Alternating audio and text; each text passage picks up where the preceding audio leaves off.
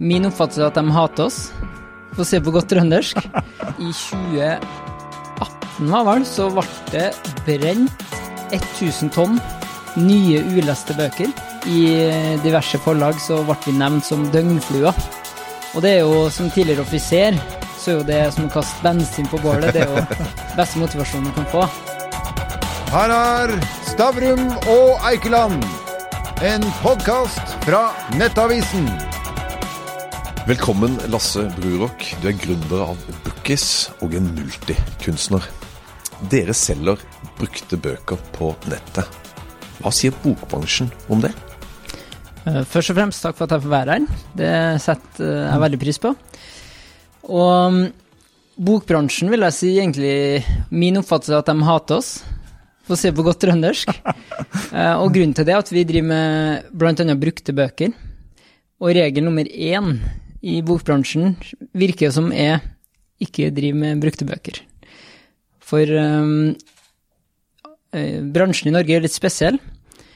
Eh, Forlagene eier jo også um, bokhandelskjedene. Sånn at de har jo en interesse av å selge nye bøker. Så der har vi jo allerede en konflikt med vår forretningsmodell. Da. For vi mener jo at bokbransjen er veldig moden for forandring. De har jo begynt med lydbøker, det er jo ganske bærekraftig.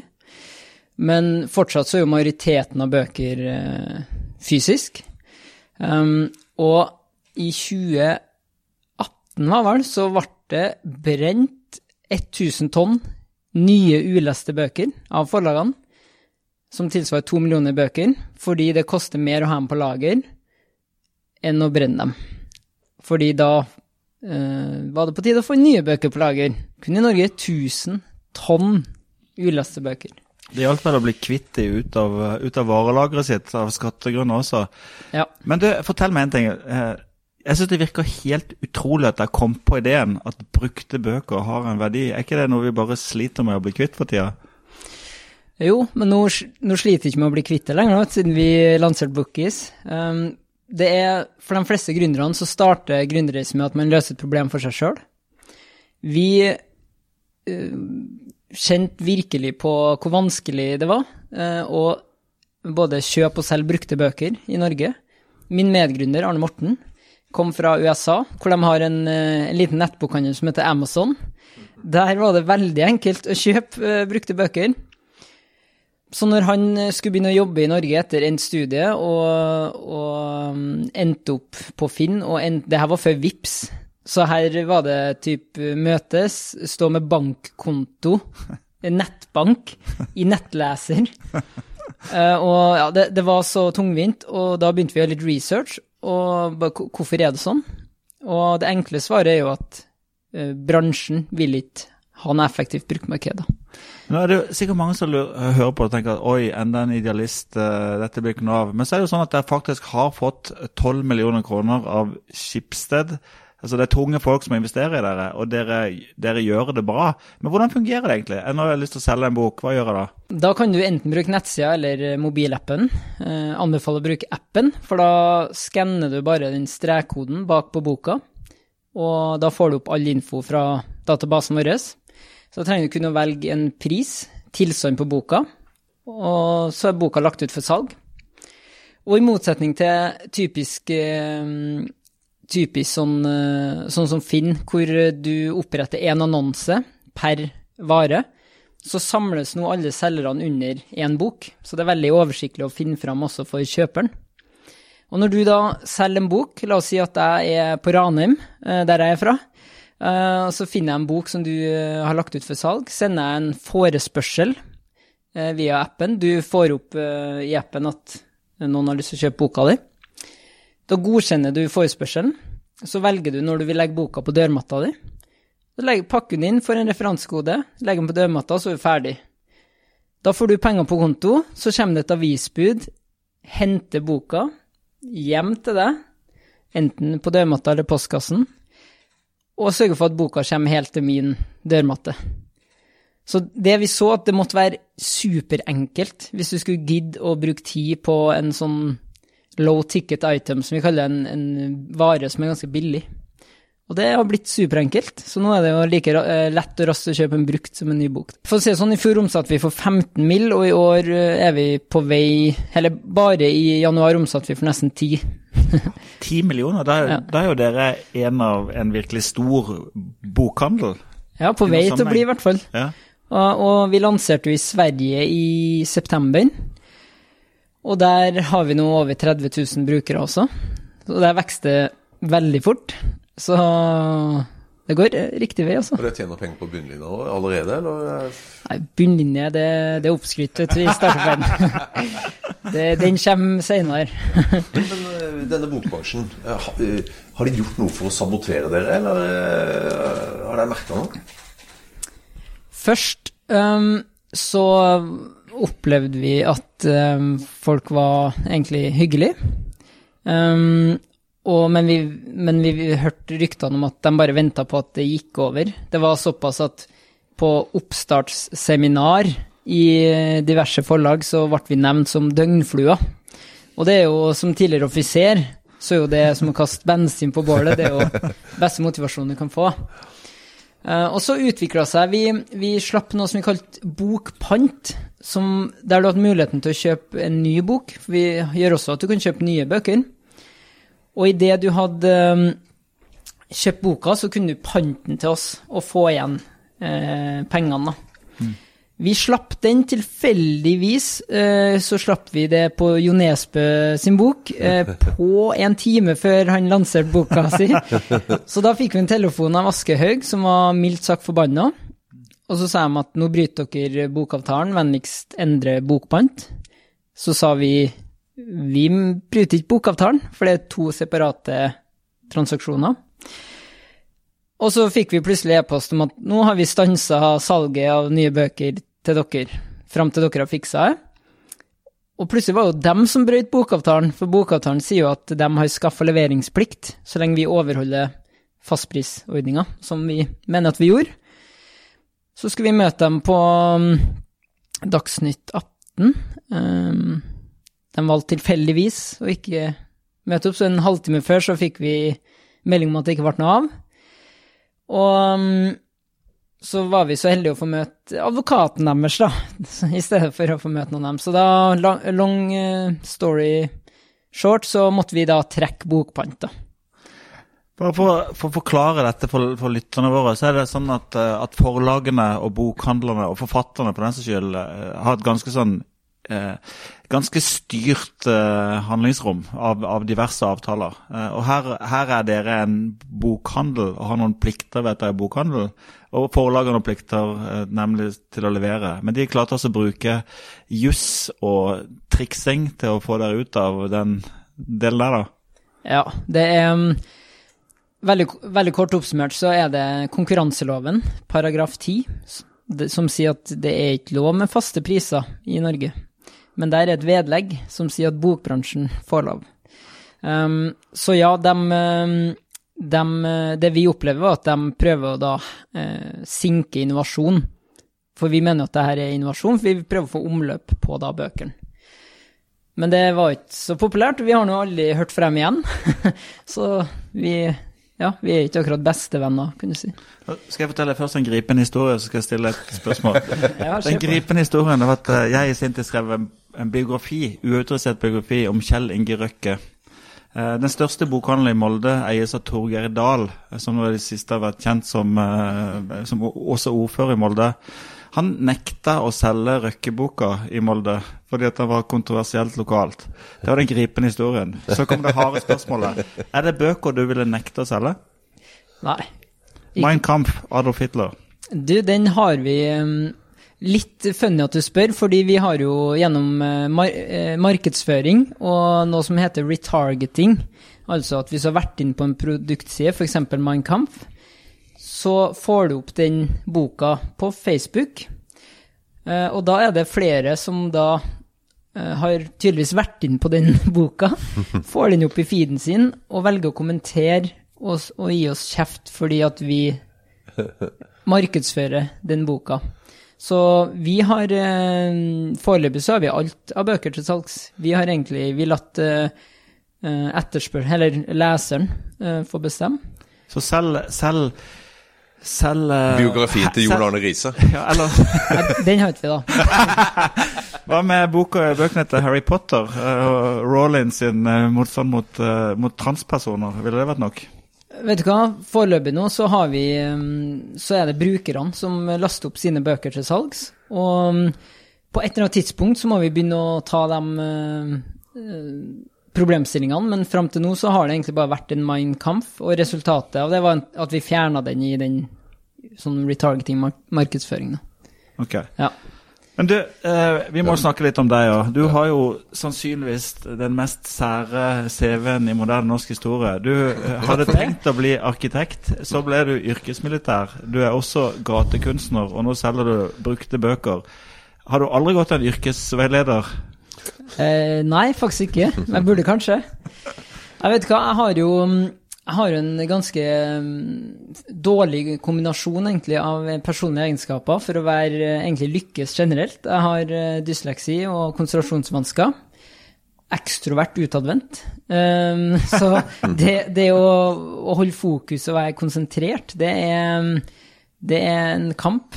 Um, og da er jo militæret, hæren, et fantastisk sted å være. For dem, eh, gjennom rutiner spesielt, kultur, så lærer du deg å finne godfoten din, som Nils Arne Eggen er opptatt av.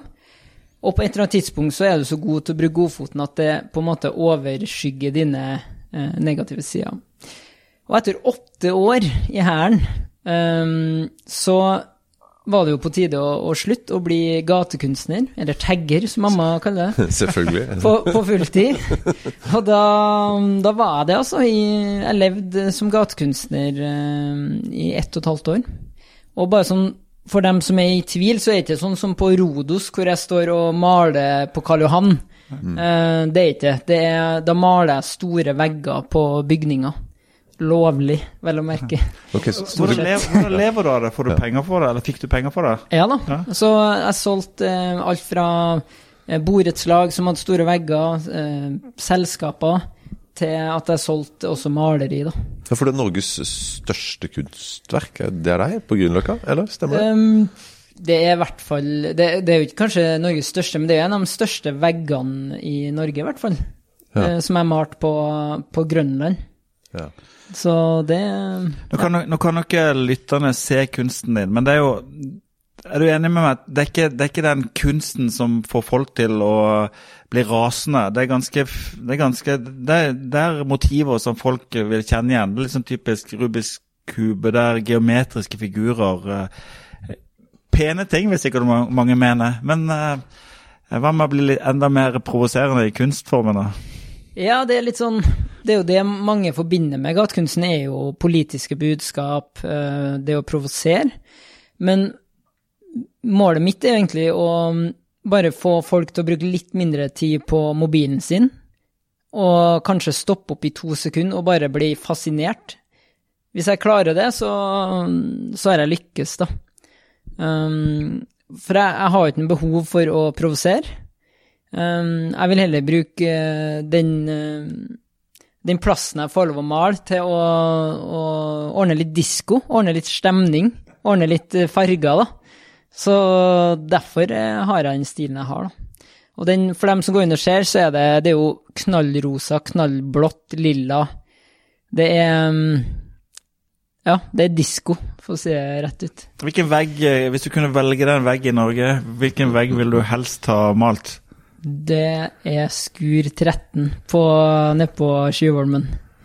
Ja. Det er 1000 kvadrat med betong klar for å, å males. ja, men Der er det jo David Jarrow som, som holder til. Ja, men ikke på enden, Ikke på enden. altså på, Nei, nei. ut mot fjorden. Den er helt clean betongvegg. Den bare roper. Ja, hvem som eier den, da? Er det Oslo havn. Oslo havn. Jeg snakka med dem, for å si det sånn. Ja, Hva sier de, da? Nei, det, det er mye maling nå, så det blir dyrt. Oh, ja. Så de er litt sånn eh, forsiktige med For de, for, de av, for de av våre lyttere som sitter med en 1000 kvadratmeter stor uh, murvegg, Ja. hvor mye koster det å få malt noe sånt? Nei, det Vi, vi er jo ikke Vi kunstnere er jo ikke håndverkere, så vi har ikke timesbetalt. Um, så Men Det koster jo litt, da. Det må jeg innrømme. Jo, jo, men kom en sum, da. Det, hvis Oslo havn skulle ha Nei, det, det får vi ta i forhandlingene, men det Hvor lang tid tar det, da? For å si sånn, den veggen på Grønland um, Det som tar tid der, er jo egentlig å få alt rundt opp. Um, få godkjent ting fra kommunen.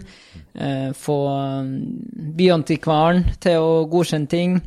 Uh, sette opp stillas. Uh, det koster jo 50 000 bare stillas, bare så dere skjønner at det, det er jo før jeg i det hele tatt har begynt. Og så skal du jo grunne hele veggen, pusse, pusse og grunne. Og, så det koster jo litt å male hvis du skal ha et kunstverk som er lenger enn til neste år.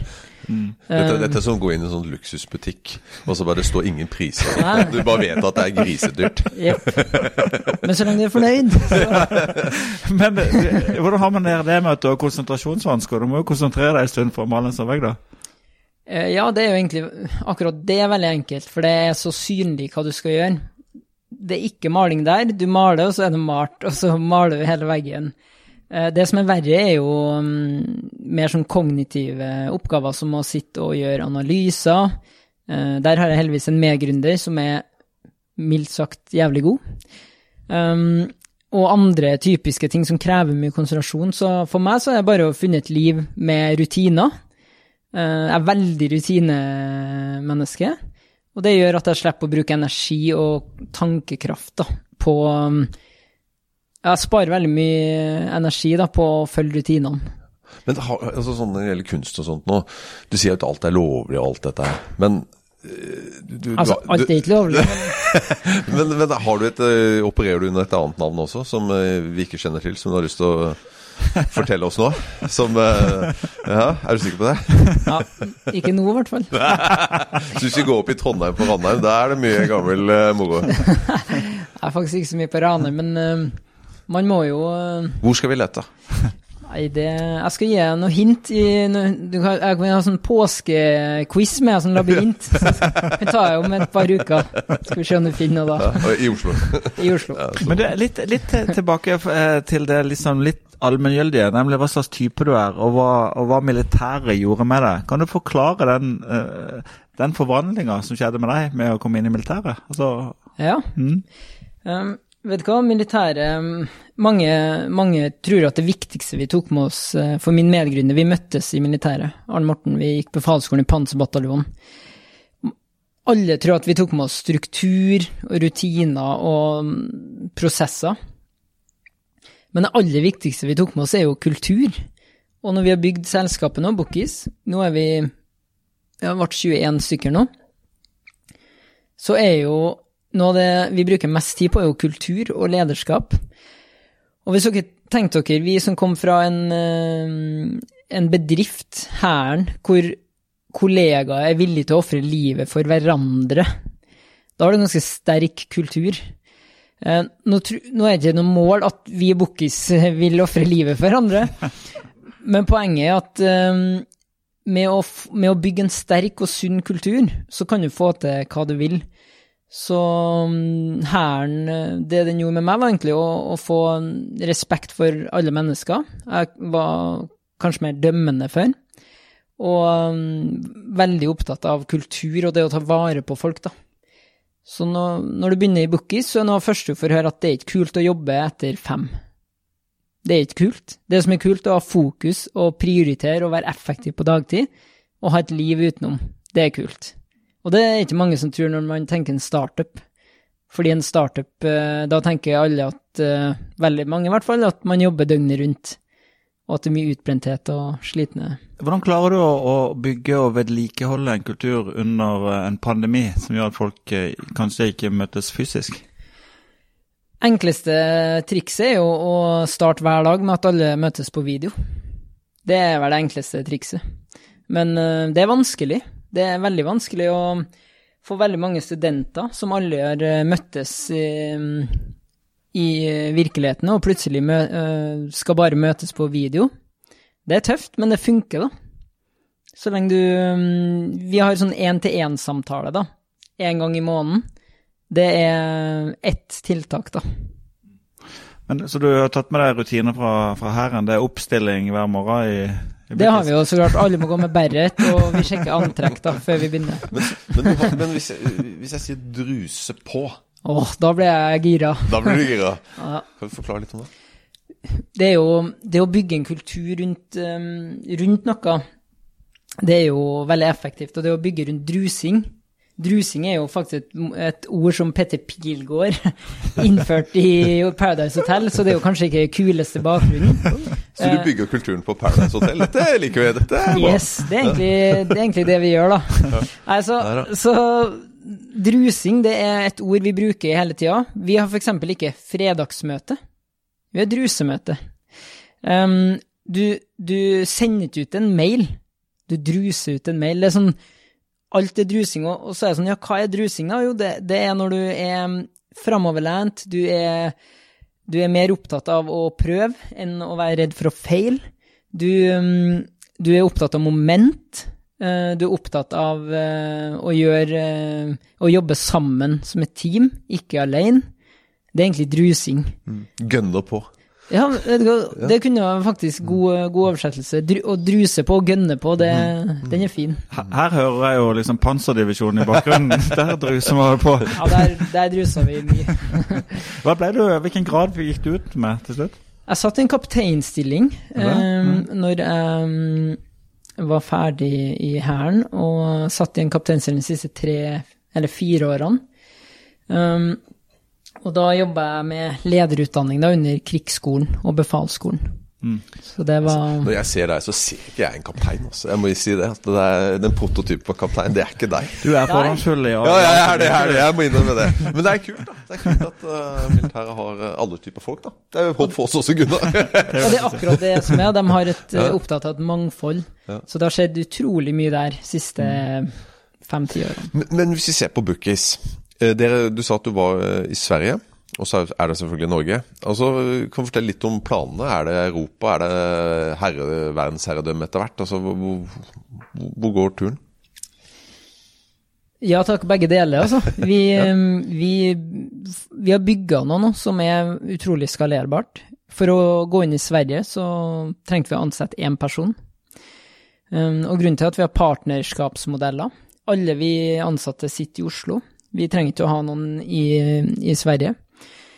Um, og vi ser allerede nå på neste marked i Europa, så det kommer vi til å lansere neste år. Uh, Vi, også, vi kommer også til å slippe en del spennende nyheter. Uh, Spesielt kommer vi til nå å jobbe mye for forfatteren. For forfattere, hvor distribusjon har bare blitt billigere og billigere, um, så har eh, fortjenesten til forfatteren bare gått ned. Makes no sense. Den burde jo enten holdt seg eller gått opp. Så vi eh, lanserte jo royalties som førsteland i verden på brukte bøker hvor du kan gi eh, royalties til forfatter både når du kjøper en brukt bok, men også når du selger. Med et mål om at det skal bli like lønnsomt for en forfatter å selge brukte bøker som nye. Og det gis masse i royalties, så det er allerede på vei til å bli en suksess. Um, og videre nå så det, handler det egentlig bare om å, å forenkle hverdagen for både lesere og forfattere. Det, det er fokuset vårt. To viktigste verdiskaperne er leserne, og det er forfatterne, det er ikke forlagene. Det, det er interessant det du sier, for det, er jo som du sier, at eh, når du gir ut en bok, så, så tjente du jo pengene egentlig på hardbook, boken som kom først. sant? Da Ja. kan du kanskje tjene nesten 50 kroner per bok. Yep. Så kommer det en paperback, og til slutt så kommer det på en måte altså en e-bok eller en, en, en Og du tjener jo mindre Der du egentlig burde tjent mer, eh, fordi at ja. papiret utgjør mindre del av verdien. Der tjener forfatteren mindre og mindre. Mm. Så det, det er jo ganske kult at dere snur rom på den, eh, på den greia der, da. Mm. Ja, og til oss nå så tjener vi mer på eh, bruktboksalget enn på pocketsalget. Så, så, så dere, for det at uh, vi snakka litt om denne fæle i gåseøyne bokbransjen. Uh, og, og, og, og vi har jo lest at mange forfattere uh, er jo fortvila også. At de rett og slett ikke sitter igjen med så mye penger lenger. Så, så dere er ikke bare der for å ødelegge for uh, de store forlagene. Dere skal virkelig hjelpe det. Altså dere går forfatternes ærend også. Absolutt. Så positivt, da. Ja, det er det, fordi det er mm, Det handler om å, å, å, se på hvem er det som er den viktigste verdiskaperen. Det er faktisk forfatteren. det er ikke forlagene, altså. Um, forlagene er veldig gammeldags i måten de driver på. Det er mye ansatte her. Ennå så bruker de også mye konsulenter. Um, Og advokater. Altfor mye advokater. så så vi, vi har kun fokus på hva er det leseren, kunden, vil ha, og hva er det forfatteren er opptatt av. Men uh, for kanskje prøve å forsvare for forlagene litt, da. For nå blir det veldig mye dritt her. Uh, det er jo at det koster jo litt å bygge opp en forfatter. da. Altså Det er ikke bare å komme fra intet. og altså, Det må gjøres, og de tar jo den investeringa også. Så, så, så, sånn sett så er det kanskje ikke så rart at de skal sitte igjen med, med noen av pengene også når det begynner å gå bra, dette salget. For det er ikke alle de klarer å bygge opp til å bli en suksess, og de har jo kosta de penger. Det er klart, men hvis du ser på hvordan, hvem er den største influenseren i bokverden? Det er jo forfatteren. Hvis, hvis vi hadde stoppa 100 folk utafor her og spurt dem om ti forfattere, så er ingen som en har visst eller har brydd seg om hva forlag de er på. Det er forfatteren. Og ser man til, over til, mm, til video, eh, TV-serier, streaming hva, hva, var det som skjedde der? Jo, eh, Netflix ble en aggregator. De, begynte, de begynte å de ha distribusjon. Men så skjønte eh, Netflix at hm, verdien her ligger jo i innholdet. Vi må eie og produsere innholdet. Og hva skjer da? Alle trekker seg ut. Disney trekker seg ut. De bikka vel 100 millioner brukere nå på et år. Eller abonnenter. HBO. Så de har jo egentlig skjønt uh, det som vi tror kommer til å skje i bokbransjen nå. At det er innholds, innholdsskaperne som har makta, og fortjener makta. Men ligger det ikke Eh, når jeg hører på deg, så hører jeg, gjør meg to refleksjoner. Det ene er jo at, at distribusjonen deres er jo tydeligvis bygd opp rundt uh, hva heter det, helt hjem eller rett hjem. altså Det som Skipsted og yes. Media, som eier Nettavisen, også eier sammen. Sant? Så det gjør at du har avisbud landet rundt, som mm. også kan ta bøkene tilbake igjen. Det bygger man opp i Sverige og etter hvert, så vidt jeg skjønner. Yes. Uh, men det andre er, med den analysen du gjør det, hvorfor, hvorfor blir det ikke også et forlag? Fordi det handler gjennom godfoten til Nils Arne Eggen. Vi må gjøre det vi er gode på. Vi er gode på kundereise. Vi er flinke med, med den e-handelsløsninga. Uh, og så er det andre som er veldig flinke med forfattere. Uh, der finnes det mye selvpubliseringsløsninger, Ballbooks annet, som er egentlig en, en markedsplass som setter forfattere i kontakt med dem som mm. de trenger et forlag. Men i stedet for at du gir fra deg hele åndsverket og får 16 av uh, salget, så eier du hele åndsverket og kan gjøre hva du vil. Så se i Tyskland, én av to annenhver bok i Tyskland er selvpublisert nå. Så dere blir en del av et nettverk med andre aktører som gjør andre biter av, av det å gi ut en bok, da? Ja, vi, vi, skal være det siste leddet, da. Men vi skal fasilitere for at forfatterne kan komme i kontakt med leserne. Du må være veldig forsiktig med å hente, hente inspirasjonen fra gamle bøker fra Trøndelag. Du ser jo hvor galt det har gått med Rosenborg. Litt liten stikker. Jeg er jo fra Ranheim, så jeg er mest opptatt av det. Men det har kanskje ikke gått så mye bedre der. Men, men uh, Jeg er Start-fan, så Uff, kondolerer. know. men uh, Nils Arne Eggen uh, slutta jo, sant, så det er jo um, Så det er jo egentlig underbygger jo poenget mitt med godfotteorien. Hvor er du om ti år? På Ranheim, da, hvis, det, hvis alt går som det skal. Nei, du, vi er, mm, da er vi en av de største aktørene, i hvert fall i Europa, på, på bøker. Det, det, er vi. Uten tvil. Ja, Hvis det omsetter for 10 millioner bare i januar i Norge alene i år, så omsetter det, da er det milliardbusiness? Jeg tipper vi bikker en milliard i omsetning innen uh, noen år nå. Det kommer til å gå fort, altså. Uh, ja.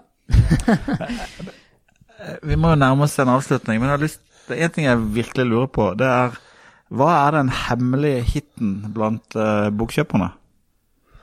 Det er jo Godfoten, da, Nils Arne Eggen. Nei, det, vet du hva, det er Nå ødela du alt troverdigheten i hele podkasten. Sorry. Nei, vet du hva, det er veldig mm, Det er veldig varierende, og det er det som er så kjekt med oss. Vi pusher ikke noen bestselgere. I, går du inn på, til alle konkurrentene våre, så er det topp ti, og det er det de stort sett selger. Og de, den topp ti-lista opplever vi at kanskje noen har satt i samarbeid et halvår før, kanskje. Mens til oss så er det bredden, det er det vi er opptatt av. Så det, det er så det, er, det, kan være bøker fra Sånn som nå, så uh, solgte vi en del uh, av, en, uh, av en gammel bok fra 1930, som, som er ja, Som av en eller annen grunn folk har lyst til å finne, og som du finner på Bookies. Du finner ingen andre plass. Mens eh, så kan det plutselig være Jo Nesbø eller Tom Egeland eller Anette Moe. Det, det, det, det, så varierer sånn, det er så bredt. Det er det vi jobber for. Og gjennom uleskonkurransen vår så løfter vi jo fram ukjente forfattere. Eh, for det er, vi, det er vi opptatt av. Hvem er din, din favoritt der? Sånn generelt? Mm. Av Åh, oh, Nei, jeg er faktisk Nå høres det ut som jeg kødda, men eh, Du leser ikke bøker? Jo, jeg gjør det, altså. Men uh, jeg syns jo hele Bookis er jo bygd opp på spesielt et par bøker, og det er jo Ona Fyr, Ingebrigtsen Jensen, og Godfoten av uh, Nils Arne Det er bare så enkle prinsipper, da. Um, ja. Men nå er det ikke sånn at jeg leser den en gang i uka, da. Det er det ikke. Du skal være glad for at, eh, at Dagens Næringsliv har kutta på, på nattbordspalten sin. ja, jeg kjenner jeg er glad, glad for det nå. du hørte Stavrum og Eikeland, en podkast fra Nettavisen.